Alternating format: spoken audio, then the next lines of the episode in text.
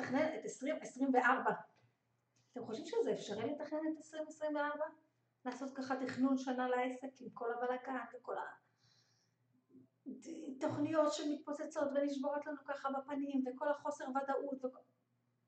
בואו נדבר על זה. אני חושבת שכן. אז בואו נדבר על זה. אז קודם כל ככה נתחיל בשלום שלום ומה עניינים, אני רוחמה סלע ופה בפודקאסט אנחנו מדברים על שיווק תכלס, תכלס עצות, אסטרטגיות, טקטיקות שתכלס, עוד פעם אמרתי תכלס, עובדות לבעלי עסקים קטנים של שירות וידע. אנחנו מדברים על שיווק בפייסבוק, אינסטגרם, רשימות תפוצה, מעמדי מכירה וקצת גם על מאחורי הקלעים של העסק. המטרה שלי היא באמת לעזור לבעלי עסקים להתלהב מהעסק שלהם בקול, לשווק בקלות, בהנאה ובאפקטיביות. ולבנות מותג אישי חזק באמצעות תוכן ושיווק אפקטיבי. אני עושה את זה כאן ואני עושה את זה באופן יומיומי במועדון השיווק לעסקים הקליקלות שזה בעצם אתה חברים במנוי חודשי סופר משתלם אה, או שנתי והוא עוזר לבעלי עסקי שיווק וידע באמת אה, לעשות את כל, ה, כל המסלול המלא מהרגע שבן אדם, מהרגע שפותחים עסק לרגע שבן אדם שומע עליהם דרך רשתות חברתיות בדרך כלל, לשלב הבא של הבניית קהילה, מעמדי מכירה וכמובן מכירות. במועדון בנוסף לכל הידע יש גם תמיכה וייעוץ יומיומי ו mastermind עם קהילת עסקים, מפגש שבועי ועוד הרבה הרבה הרבה, אבל בואו נקפוץ ככה לנושא שלנו. אה, השיחה הזאת של איך לעשות תוכנית שנתית, דיברנו על זה שבוע שעבר בתוך המועדון והחלטתי להביא אה, חלק מהשיחה הזאת כאן לתוך הפודקאסט שלנו. אה, והחלטתי דווקא לחזור עם הפרק הזה אחרי שתקופה אה, לא הקלטתי פרקים. האמת שמאוד מאוד תכננתי לחזור בשיא המרץ בשמיני לשביעי לעשירי ולהקליט המון המון המון פרקים והיה לי המון המון רעיונות והכל היה מאוד מאוד פרקטי. ואז התחיל מה שהתחיל והיה לי מאוד קשה מאוד קשה. אה, אז אה, בהתחלה כן העליתי פרקים, בהתחלה הייתי בשוק. אחר כך אמרתי, אוקיי, בוא נחשוב פרקטי, מה צריך לעשות? עכשיו צריך להתמקד ברשימת תפוצה ובבניית קהילה, אז העליתי איזה כמה פרקים על רשימת תפוצה ובבניית קהילה, ואחר כך אה, נכנסתי לבצורת, בצורת מחשבתית, לא, לא הצלחתי לחשוב. לא הצלחתי לחשוב, אמרתי, מה, מה אני אדבר עכשיו, על שינויים באינסטגרם? את מי זה מעניין? מה נדבר עכשיו על פיצ'רים חדשים בפרסום ממומן בפייסבוק? בקיצור, הרגשתי שזה לא לעניין ולא בא לי לדבר על זה, אה, אבל עכשיו, אחרי חודשיים, החלטתי שאני אדבר על אה, בניית תוכנית שנתית דווקא בתוך המקום הזה של החוסר ודאות וה... והזה. עכשיו הקלטתי כבר את הפרק, ואז באמצע, אחרי חצי שעה שאני מדברת, בעלי פתח את הדלת, ואני נורא כעסתי עליו שהוא את ההקלטה, ואז גיליתי שבכלל אני לא לחצתי על הכפתור הכחול, ולא הייתה בכלל הקלטה. וחצי שעה דיברתי בהתלהבות אינסופית לכלום ולשום דבר. אז יאללה, בואו נחליט. אה, אני רוצה לדבר ככה על תכנון שנה, ואני רוצה רגע להגיד משהו. ללא קשר למצב, אני קולטת שלתכנן שנה זה משהו שמאוד מאתגר הרבה אנשים. גם זה מצטייר, קודם כל מאיפה אני יודע מה יהיה בדצמבר שנה הבאה, אני לא יודע מה יהיה במרץ, אה, במרץ, אז איך אני אתכנן לדצמבר שנה הבאה? אה, אני בכלל לא יודע מה יהיה בעסק שלי, אה, לתכנן זה נורא כובל את עצמי, זה נורא מלחיץ, זה נורא זה, זה נורא זה. איך בכלל ניגשים לזה, איך, איך מסתכלים על זה? אז היום אני רוצה לתת לכם כמה כלים וכמה דברים שאני עושה ככה בכל דצמבר, שאני חושבת שהם רלוונטיים ללא, עם ובלי קשר למצב. אני גם אדבר בקשר למצב, כי 2024 אני לא חושבת שהיא תהיה שנה רגילה, ממש לא. אה, אבל אני אגיד לכם שאני חושבת שמ-2020 יש לנו שנים קשות. אה, נגיד 2022 הייתה שנה מאוד מאתגרת, אנשים היו בפוסט טראומה של הקורונה, היה מאוד מאוד מבלבל להמון עסקים. זה לא שאנחנו עכשיו באנו מאיזה תקופה של uh, הכל היה כיף והכל היה טוב ונפל, זה גם ככה מ-2020 תקופה מאוד קשה לבעלי עסקים, חלק יותר, חלק פה, זה ממש ממש תלוי בכמה כמה אנחנו, uh, כמה אנחנו יצירתיים, כמה, איך אנחנו מתמודדים עם משברים, איך אנחנו מתמודדים עם שינויים, איך אה, דרווין אמר שזה לא החזק שורד, זה מי שמסתגל שורד, אז איך אנחנו, איך אנחנו מסתגלים לשינויים ואיך אנחנו מתמודדים, ואם עדיין לא סיגלנו לעצמנו את התכונות האלה של היצירתיות ושל ההתמודדות עם שינויים ושל איך לנחות על הרגליים בכל זאת, אלה התכונות שאנחנו חייבים, חייבים בשביל שיהיה לנו עסק שמצליח וגדל לאורך זמן. אז בואו נדבר רגע על תכנון שנה. אני חושבת שתכנון שנה איכשהו, אחד, מחזיר, בכלל תכנון, מחזיר לי את השליטה, אוקיי? הוא לא סוגר אותי, הוא לא מלחיץ אותי, הוא אומר לי, אוקיי, יש שליטה, הנה אני יודעת מה הולך להיות, אני בן אדם שצריך לדעת מה הולך להיות. לא במאה אחוז, אבל צריכים לדעת כזה. אז הנה אני קצת יודעת יש לי שליטה, וזה עושה עוד משהו. אחת הבעיות שיש לנו זה שאנחנו צריכים להחליט מלא החלטות כל יום. וכשאנחנו צריכים להחליט מלא החלטות כל יום, זה מאוד מאוד פוגע באפקטיביות שלנו. אז אם אני יכולה להחליט חלק מההחלטות מראש ולא להתעסק בהן כל הזמן, דיינו. הורדתי לעצמי את הלחץ בצורה משמעותית. אני אתן לזה דוגמה. נגיד המועדון שלי, מועדון הקליקנות, הוא גם קיים שש שנים כבר, כמעט שבע שנים לדעתי, אולי שבע ולא שמתי לב. הוא קיים מ-2017, אוקיי? ואז אה, ב-2021 לא החלטתי שאני עושה נושא החודש. ואז כל חודש הייתי חושבת מה הולך להיות הנושא, הייתי קוראת את הקהילה, רואה מה הם רוצים ומחליטה מה נושא החודש הבא. עד שיום אחד אמרתי, טוב די מספיק, בוא נשב, נתכנן מה יהיה נושא החודש לפי איזשהו אה, רצף נושאים של 12 חודשים קדימה וזהו. ברגע שפרסמתי את הרצף נושאים 12 חודשים קדימה, זהו, די, מספיק, אני לא צריכה לתכנן את זה מחדש, לחשוב מחדש מה אני אעשה, מה יקרה. עכשיו, בוא נגיד ככה, רוחמה, איך את יכולה לתכנן 12 חודשים קדימה, והנה עכשיו נהייתה מלחמה, והנה עכשיו פייסבוק שינו את כל ערב שהם רוצים לשנות, אז מה תעשי עם הנושא החודש שהחלטת לכל חודש? אז החלטתי את נושא החודש, אבל מתחת כתבתי הערה, הנושא, הסילבוס פתוח לשינויים עקב אקטואליה, בקשות מהקהילה ושינויים הכרחיים, לא זוכרת, משהו כזה יפה כזה כתבתי מתחת. אז עכשיו, שהייתה המלחמה, באמת, לא עבדנו לפי הסילבוס הזה. עכשיו רק לשם הבהרה, כל הנושאים האלה שמדברת עליהם כבר קיימים במועדון כקורסים מוקלטים. נושא החודש זה שאנחנו מדברים על זה בשידורים החיים, אולי אני עושה איזה פעילות שקשורה לזה, אולי אני מדייקת כל מיני עדכונים שקרה בנושא הזה בשנה האחרונה, זה לא שאני, נגיד אם נושא החודש היה פרסום ממומן, לא לימדתי מאפס פרסום ממומן, יש קורס ענק במועדון, אלא דיברתי על מה השתנה, על מה צריך לשים אה, אה, את הדגש בשנה הזאת, מה שזה לא יהיה, לא יודעת. אז ברגע שהחלטתי את הכל מראש, זה קצת הוריד ממני את הלחץ. אז בואו נדבר רגע על כמה נקודות בתכנון שנה. הנקודה הראשונה זה קודם כל ההבנה, עוד לפני הנקודות, קודם כל צריכה להיות ההבנה שאני לא מתכננת שנה ברחל בתך עד ה-30 לדצמבר 24, אין דבר כזה, זה בלתי אפשרי. התכנון הוא תכנון כללי ל-12 חודשים, ואז אני נכנסת לזה יותר ברמת השלושה אה, חודשים, ונכנסת לזה יותר ברמת החודש הקרוב. אני לא באמת יכולה לתכנן שנה אה, ברמת רחל בתך, אבל במה אני כן מתכננת שנה?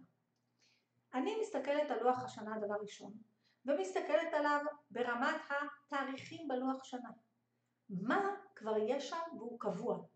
מה כבר יש שם שהוא לא באמת נתון לשינוי שלי?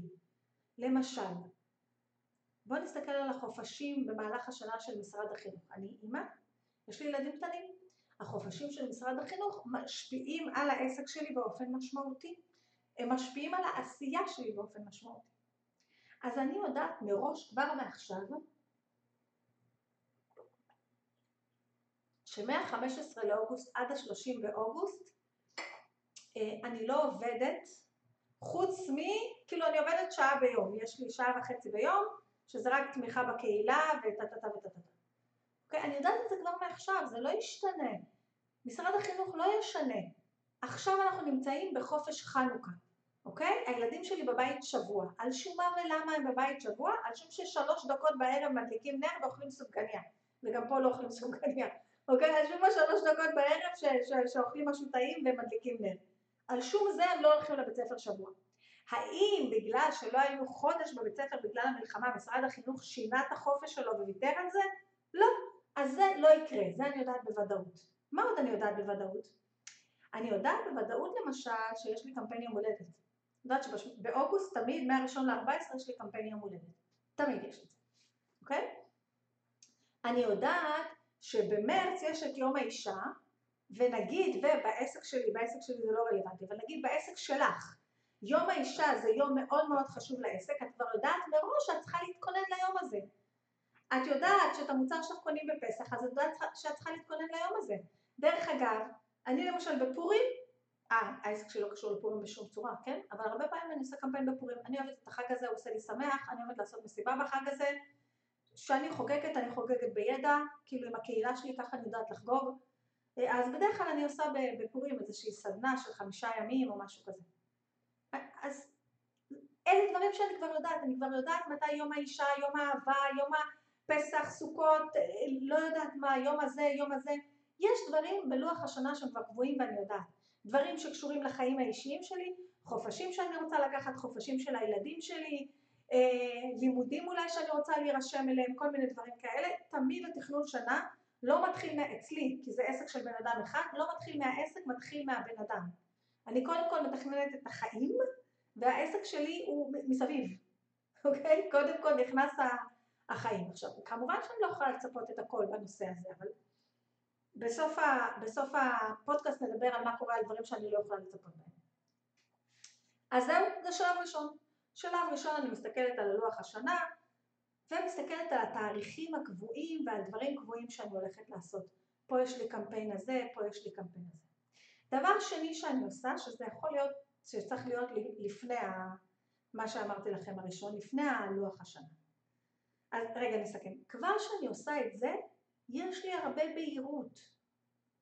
אני לא מגיעה למצב של יואו, רוחמה, את יודעת, עוד יומיים יום האישה והמוצר שלי הוא לנשים, יש לי מוצר של, של תכשיטים לנשים וזה היום שהכי הכי קונים ומה עכשיו נזכרת? למה? זה בא בהפתעה?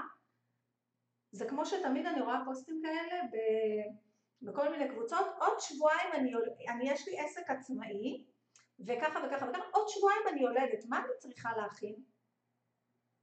מה באמת? את כבר תשעה חודשים בהיריון, זה לא כאילו בא פתאום. תשעה חודשים את בהיריון. אני התכוננתי לחופשת לידה, מי?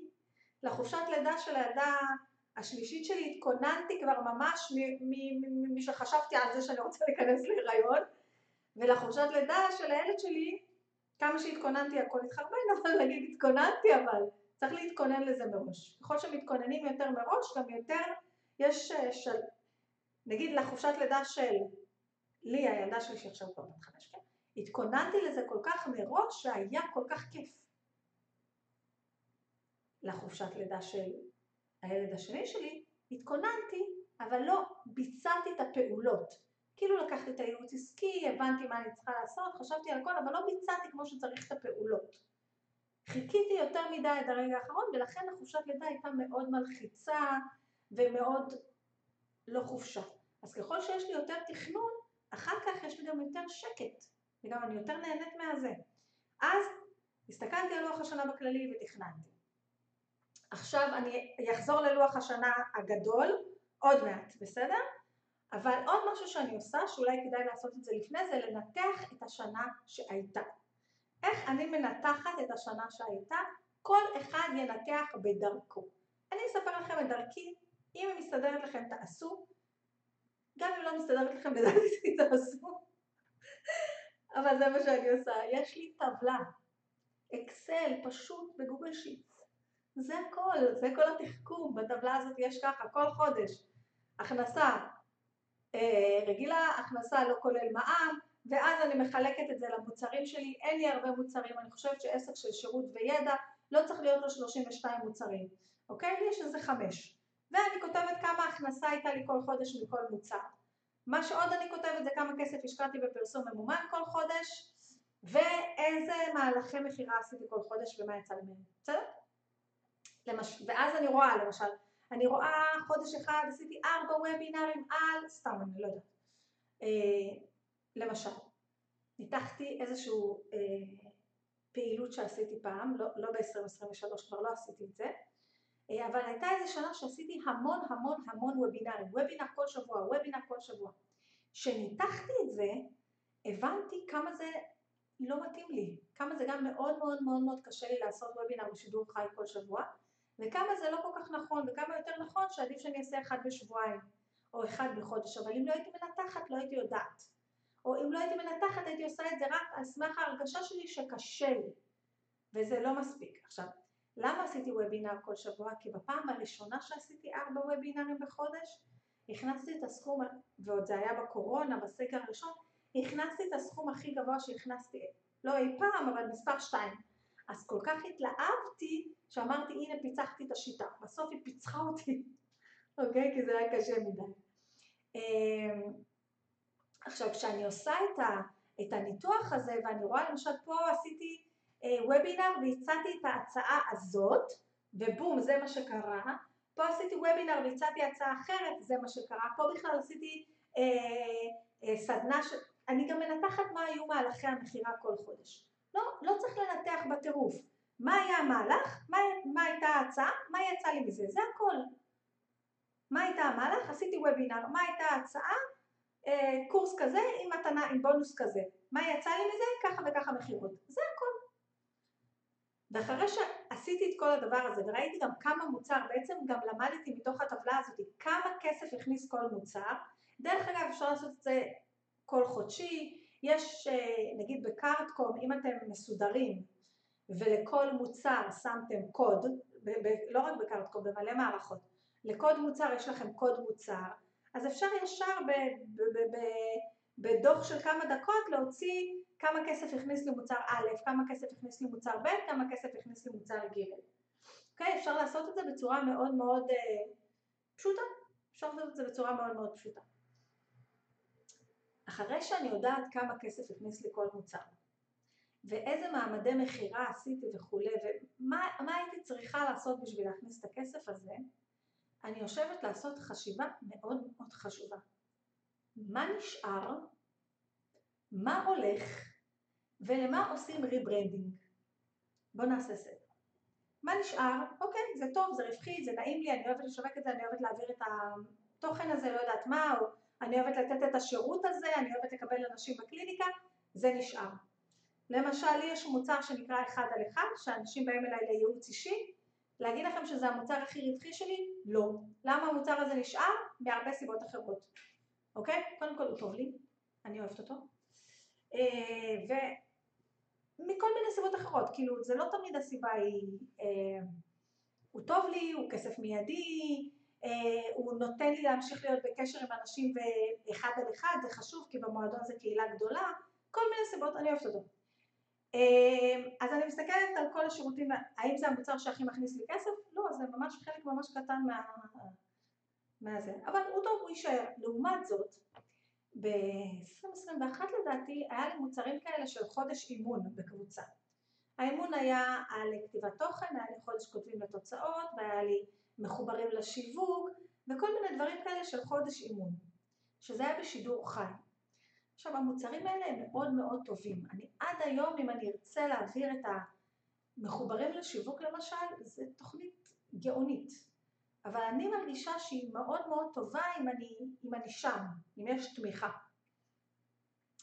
וכשהסתכלתי על זה בסוף השנה הבנתי שזו תוכנית לא כלכלית ולא רווחית עבורי. גם בגלל הסכום שהיא הכניסה יחסית להכנסה וגם בגלל האנרגיה שהיא דרשה מול הסכום.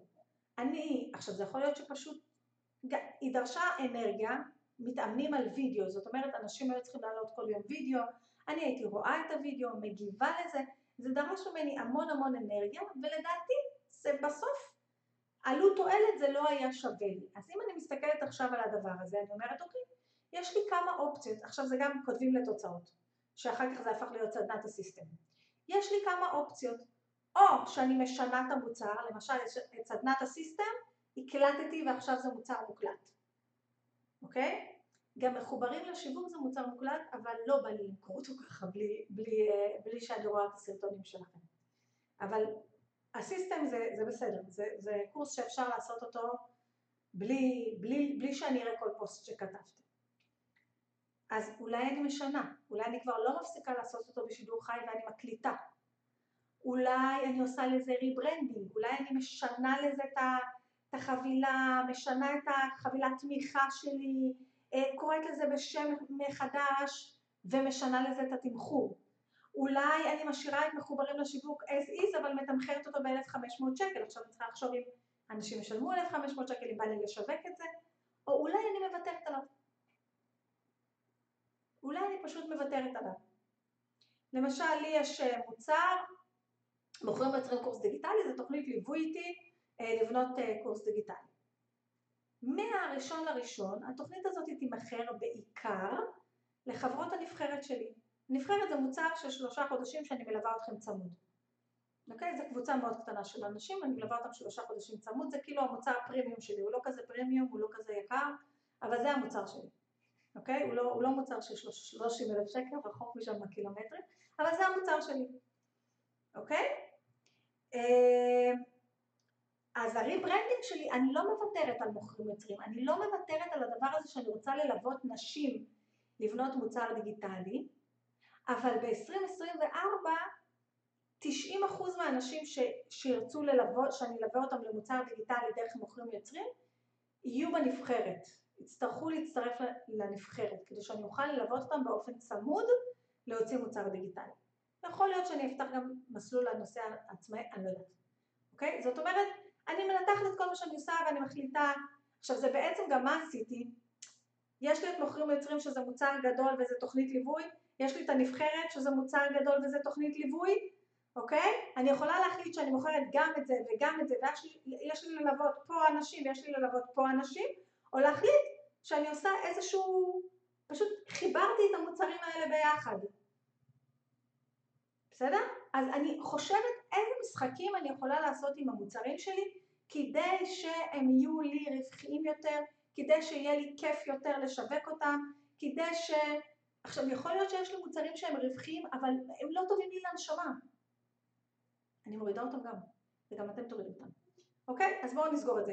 הסתכלתי על השנה שעברה, ראיתי מה עשיתי, ראיתי מה רווחי, מה לא רווחי, ואז החלטתי או שאני עושה לזה rebranding, עושה לזה מיתוג מחדש, או שאני מעיפה את המוצר, או שאני מתמחרת את המוצר הזה בצורה אה, שונה. אוקיי? אלה החלטות שחייבים לקחת בסוף שנה. חייבים.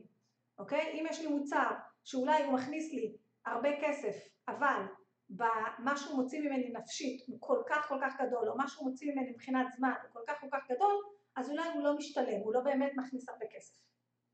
אוקיי? זה אחד. עכשיו, מה שאפשר לעשות עם התהליך הזה שאמרתי של הניתוח של המוצרים שלי וכמה הם הכניסו לי, אני יכולה לעשות גם עם התוכן, בעלת המילים. מה הכוונה? אני יכולה להסתכל באינסטגרם, מה עשיתי בשנה האחרונה, מה עבד טוב יותר, מה עבד פחות יותר, האם אני רוצה להמשיך להקדיש אנרגיה, לא להמשיך להקדיש אנרגיה, אה, לנתח את התוכן בפודקאסט, מה זה יצא לי מזה, ברשימת תפוצה, באיזה זירות חברתיות, בכמה גדלתי בכל זירה כל אה, חודש, מה עשיתי בשביל להגדיל את זה, אני יכולה לעשות את זה בנפרד, אולי נדבר על זה בפרק של אה, לבנות תוכנית תוכן, ויש פרק שלי, יש כבר פרק, כמה פרקים על איך לבנות תוכנית תוכן בפודקאסט. ואז אני מחליטה, אוקיי? אחד, סבבה? סבבה. טוב, אז ואז אני מחליטה, מה אני מחליטה? אני מחליטה למשל, אני מחליטה, אה, אני החלטתי על אף שחודש שנה שעברה, יש פרק מינואר שנה שעברה, תוכנית התוכן שלי ל-2023. בפרק ההוא אמרתי שאינסטגרם הולך להיות מקום ראשון אצלי ואני רוצה להגדיל את העוקבים באינסטגרם בצורה משמעותית. כבר באמצע השנה הבנתי שאני אוהבת את אינסטגרם ואני רוצה להשקיע אנרגיה באינסטגרם אבל לא מעניין אותי כמות העוקבים באינסטגרם, אין לי שום עניין להתעסק בעולה יורד, עולה יורד, עולה יורד על זה כל המשחקים, אין לי סבלנות לזה, באמת, אין לי סבלנות, זה לא באמת משפיע על העסק שלי, אוקיי? העסק שלי הוא... זה לא משנה לי עכשיו. אין לי כוח לבנות את הסוג התוכן הספציפי הזה שמגדיל את העוקבים באינסטגרם, לא רואה את עצמי, אני בעד לעשות טרנדים, פחות מסתדר לי עם האופי שלי, אוקיי? זה מה שאומר שגם כשאני עושה תוכנית דברים משתנים, כי אני קודם כל גם בהקשבה לעצמי. אני גם בהקשבה לעצמי. אוקיי, אז ככה, ניתחתי, ראיתי איזה מוצרים יש לי, איזה מוצרים אני רוצה להשאיר שנה הבאה. יכול להיות שבמהלך 2024 אני אמציא מוצר חדש, שעכשיו בדצמבר 23 אני לא יודעת מהו. יכול להיות שהמוצר הזה שאני אמציא הוא זה שישבור את כל הקלפים, אבל כרגע הוא לא קיים ואני לא יודעת מהו, אז אני בונה תוכנית שנתית לפי המוצרים שיש לי כרגע שאני חושבת שאני אמכור אותם ב-2024. אני את הנבחרת המצאתי במרכאות באמצע 2023, במאי 2023, עקב בקשת הקהילה. לא תכננתי את זה בתחילת השנה. דברים משתנים. הקהילה ביקשה את זה. היום אני יודעת שמבחינתי ב-2024 זה אחד המוצרים המרכזיים שלי, זה, זה מה שאני רוצה לעשות. אז כן דברים נפתחים, אבל כרגע שאני מתכננת שנה, אני חושבת לפי מה שיש לי כרגע, זה המוצרים שיש לי כרגע. ואני עכשיו עושה את שמש הכסף. מה זה שמש הכסף? שמש הכסף זה דבר נפלא וכיפי שאני ממליצה לעשות כל רבעון. מה עושים בשמש הכסף? עושים עיגול יפה. ובתוכו כותבים כמה כסף אני רוצה להכניס ב-2024. דרך נחמדה לעשות את זה זה לראות כמה כסף הכנסתי ב-2023 ולהוסיף לזה 20%.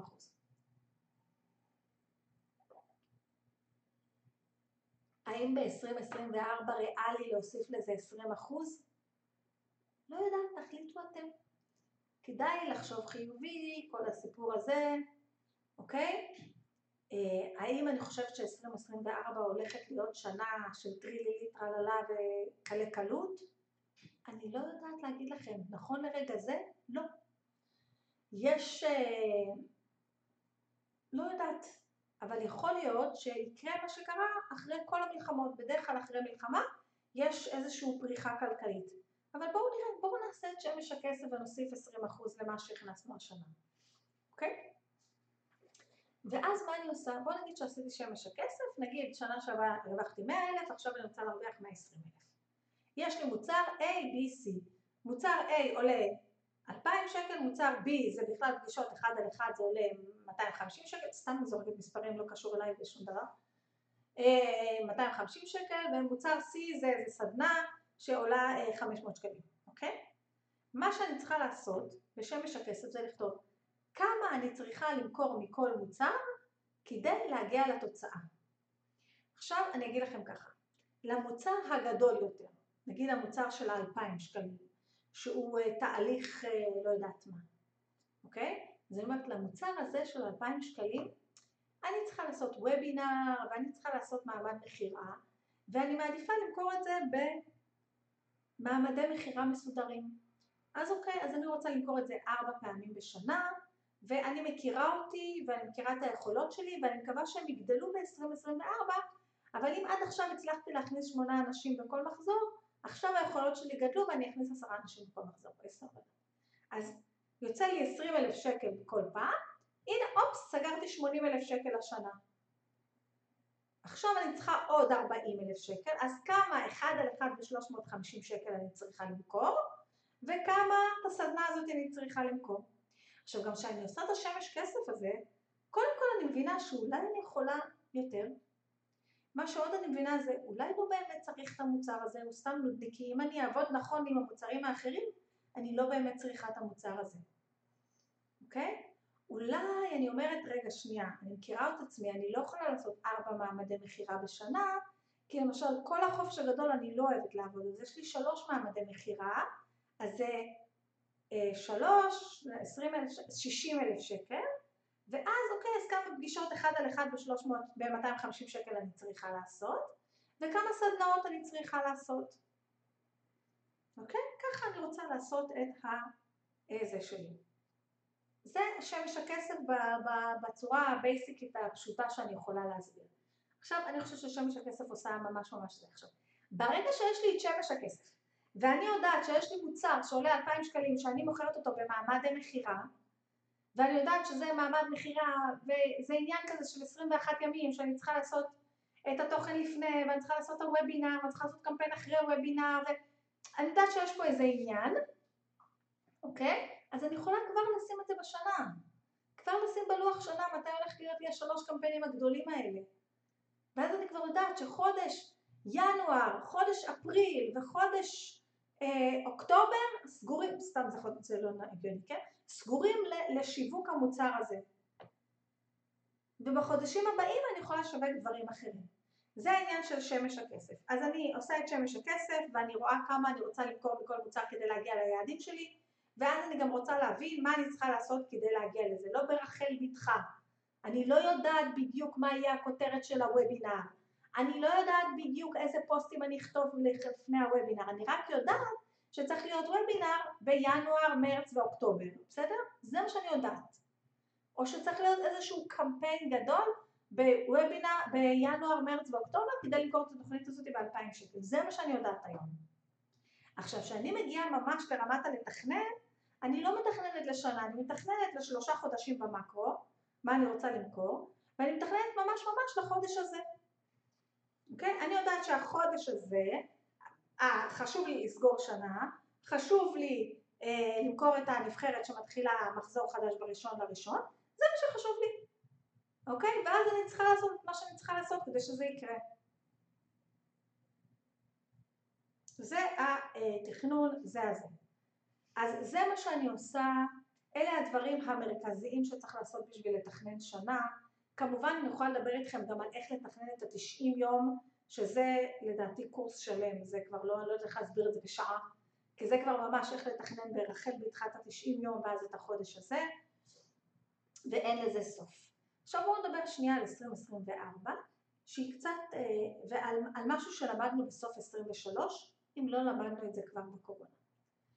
אני לא יודעת מה עשיתם ב-2020, אבל ב-2020 היה סגר, ושימו לב שכמעט אותם ענפים, המלחמה זה לדעתי הרבה יותר גרוע מהקורונה, אבל יש ענפים קבועים בשירות, שירות וידע, אני לא אדבר על זה, קודם כל יש ענפים, שני ענפים, אה, כל מה שקשור לתרבות נפגע גם אז וגם עכשיו, כל מה שקשור לבילויים, עכשיו חוזרים, אבל הרבה נפגע אז ועכשיו, כל מה שקשור לתיירות נפגע אז ועכשיו, אה, כל הסיפור הזה. אבל אם אני מסתכלת על העסקים של שירות וידע, עסק שבנוי רק על אחד על אחד, נפגע אז ונפגע עכשיו. עכשיו אנשים חזרו לאחד על אחד, ואני ממש ממש בעד, אבל אני רואה אפילו אצלי, לא חזר האחד על אחד כמו שאני רגילה. וזה לא שיש לי מיליון פגישות, יש לי רק שלוש בשבוע, שלוש ארבע בשבוע, אני לא יכולה יותר. עסק שבנוי רק על אחד על אחד, אני רוצה שתחשבו טוב טוב מה עשיתם ב-2020, מה עשיתם בסגרים, מה עשיתם בחודשיים האלה, ומה אולי לא עשיתם? ומה היה מציל אתכם. ואני חושבת שאם יש משהו שחשוב, ומיומנות שחשוב לכם לקחת כבר עכשיו כדי להבין, איך אני יוצר, יוצרת מצב שבו העסק שלי מכניס כסף, גם אם אני במצב של אני לא יכולה לפגוש את הלקוחות שלי אחד על אחד, וגם אם אני במצב שאני בכלל כמעט ולא יכולה לתת שירות. זה אומר שאם נגיד אמרתי אוקיי אני רוצה לעבור לדיגיטלי, זה לא מספיק שיהיה לי לעבור לזום. אני צריכה לעבור לזה שיש לי קורס, שיהיה לי איזשהו קורס מוקלט ואפילו שיהיה לי איזה קורס מוקלט שהוא לא צריך תמיכה, או תמיכה רק במייל, או איזשהו משהו כזה שמאפשר לי גמישות. נסו לחשוב איזה מוצרים אתם מוסיפים לעסק שלכם שיכולים להכניס לכם כסף ומייצרים עבורכם גמישות. אם יש עוד מצב שבו יש חודש שאי אפשר לעבוד כי יש מגפה, יש, השם ישמור מלחמה, יש, אתם יודעים מה קרה משהו בא לכם לנסוע לחו"ל, אוקיי? בא לכם להוריד הילוך, זה קרה משהו במשפחה ואתם צריכים עכשיו להיות יותר עם אבא, עם אמא, עם הילדים שלכם, לא יודעת מה. איך בכל זאת אפשר להכניס כסף? וזה משהו שאני רוצה פשוט תעשו mastermind עם, אה, תקבעו עם כמה קולגות שלכם שעושים אותו דבר, תעשו mastermind ותחשבו על זה, אוקיי? הפתרון, אחד הפתרונות הגדולים שאני מכירה באמת זה ליצור מוצרים דיגיטליים ובהתחלה הם יהיו מוצרים דיגיטליים שאתם תעבירו בשידור חי אבל אלה לא המוצרים הדיגיטליים שתמיד ייקחו אתכם בזמני משבר כאלה. דווקא המוקלטים, דווקא המוקלטים, ליצור מוצרים דיגיטליים מוקלטים, חלק או עם תמיכה, חלק שבכלל לא צריכים תמיכה, ליצור מוצרים דיגיטליים זולים גם, פרונטים, מוצרים ראשוניים, מוצרים שאנשים כאילו ישר קונים ב-250 שקל וכבר מיישמים. לנסות לחשוב, אולי יש לכם מוצרים דיגיטליים שהם לא קורסים, אולי ליצור מוצרים דיגיטליים שהם נייר, לא יודעת. תחשבו, עוד, עוד מקום שאפשר לחשוב עליו זה כל הנושא הזה של מוצרים פסיביים, יש לי חברה עכשיו שיוצרת ספרים לאמזון, אוקיי? יש לי חברה שיוצרת מלא מלא מלא מלא מלא דברים לאצי, כל מיני גרפיקה. מה אתם יכולים עוד לעשות שההכנסה שלכם לא יושבת רק על אחד על אחד. אי אפשר. עסק שיושב ומוכר רק אחד על אחד, או רק שירות שאפשר לתת אותו אם פוגשים את הצד השני, שכל ההכנסה שלו יושבת רק על אם אני פוגש את הצד השני, אז ורק אז אני יכול להתפרנס, נמצא בבעיה. אז אני רוצה שתחשבו. אז אני יכולה לחשוב שאני אהיה affiliate, או שאני אהיה כל מיני הכנסות צדדיות, או כל מיני כאלה דברים שאני אשקיע בהם אנרגיה. אה, אני אה, למשל מעדיפה אה, להקליט מוצר דיגיטלי חדש ולמכור, זה הרבה יותר קל לי ומהיר לי ומכניס לי הרבה יותר כסף נקי, מאשר אם אני יוצרת איזה side hustle כזה, אבל מה שטוב לכם, מה שטוב לכם, ממש עכשיו, כבר עכשיו אחרי הפרק הזה, תתקשרו לכמה קולגות שאתם אוהבים וסומכים עליכם וכיף לכם לדבר איתם, וזה יהיה נושא ה mastermind. איזה מוצרים או איזה דברים אני מכניסה לעסק שלי השנה שיוכלו לייצר לי כסף בלי אחד על אחד אם עדיין אין לכם את זה בעסק, אוקיי? כמות האנשים, אני איך שהתחילה זה, אני אמרתי לאנשים תתחילו להקליט דברים דיגיטליים, אפילו שיהיה לכם מוצרי מדף ב-100-200 שקל שאפשר להוריד ולקחת וזהו, אוקיי? אם זה מוצר דיגיטלי, אם זה איזשהו ספר, ספר זה פחות אה, עם, כלכלי לדעתי, אבל כל אחד מה שהוא חושב. אם זה ספר, ספר זה כלכלי לטווח ארוך, אבל זה לא השיחה עכשיו. עכשיו אני מדברת כאילו אפילו על הטווח הקצר שאני רוצה להכניס כסף. נסו לחשוב על דברים גם שאפשר יהיה למכור בפרסום ממומן ללא התערבות, כמו למשל קורסים דיגיטליים קטנים, שאפשר למכור אותם בפרסום ממומן, בדרך כלל על ידי משפך שתי צעדים ולא בישירות, זה תלוי בקורס, זה תלוי בזה. נסו לחשוב מה אתם עושים השנה שמכניס לכם כסף בלי לפגוש את האנשים באופן קבוע, בטח לא אצלכם בקליניקה. אז קודם כל יש הרבה פרקים כאן אצלי בפודקאסט על מוצרים דיגיטליים, יש המון פרקים ויש המון פרקים שייתנו לכם המון אה, רעיונות, תתחילו עם הפרקים על המוצרים הדיגיטליים, אם אתם רוצים ללמוד יותר על מוצרים דיגיטליים אני גם מלווה כמו שאמרנו דרך מוכרים יוצרים והנבחרת ביחד כדי ליצור מוצרים דיגיטליים ולמכור אותם כמובן, ליצור זה, זה רק הצעד הראשון, מבחינתי למכור זה הקטע.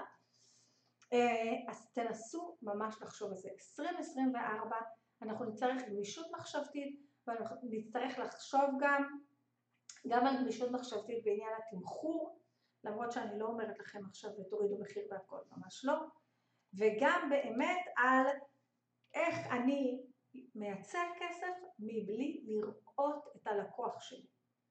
עכשיו, זה לא אומר שאני לא נותן לו שירות ותמיכה, זה רק אומר שאני לא מוכרת שעות, אוקיי? אני, אני, כל מי שמאזין לפודקאסט הזה ומוכר שעות, אני רוצה שאו שתקבעו עכשיו, עכשיו פגישה עם כמה חברים, לחשוב איך ב-2024 אתם מכניסים כסף בלי למכור שעות, בלי שיפגשו אתכם בזום או בקליניקה או בבית קפה או איפה שאתם מקבלים. בסדר? אז קחו לעצמכם אתגר ועכשיו תעשו את זה, ואם אתם כבר עושים את זה מעולה, תחשבו איך אתם מרחיבים את זה, ויותר מתאימים את זה לסיטואציות כמו שהיה לנו בקורונה, וכמו שיש באוקטובר, נובמבר, דצמבר 2023, אוקיי? זהו. אז אה, אני מאחלת לנו שתהיה לנו בכל זאת, בכל זאת שנה טובה. אני מאחלת לנו בכל זאת ששנה 2024 כן תהיה שנה טובה, בעזרת השם אולי אפילו שנה של שלום, שנה שנסיים עם כל ה... מה שאנחנו צריכים לסיים. אה, ואני מאחלת לנו בכל זאת שתהיה לנו פרנסה טובה ב-2024, אבל בכל זאת, שתהיה לנו פרנסה טובה ב-2024, מגיע לנו, אנחנו רוצים, יש לנו אה, טוב להפיץ לעולם, וזה בסדר גם שישלמו לנו על זה, ואני מאחלת לנו שנהיה כולנו בריאים וחזקים, בגוף ובנפש, ואם נהיה בריאים וחזקים בגוף ובנפש, כבר נצליח לעשות את כל השאר. אז אה, להתראות בפרק הבא.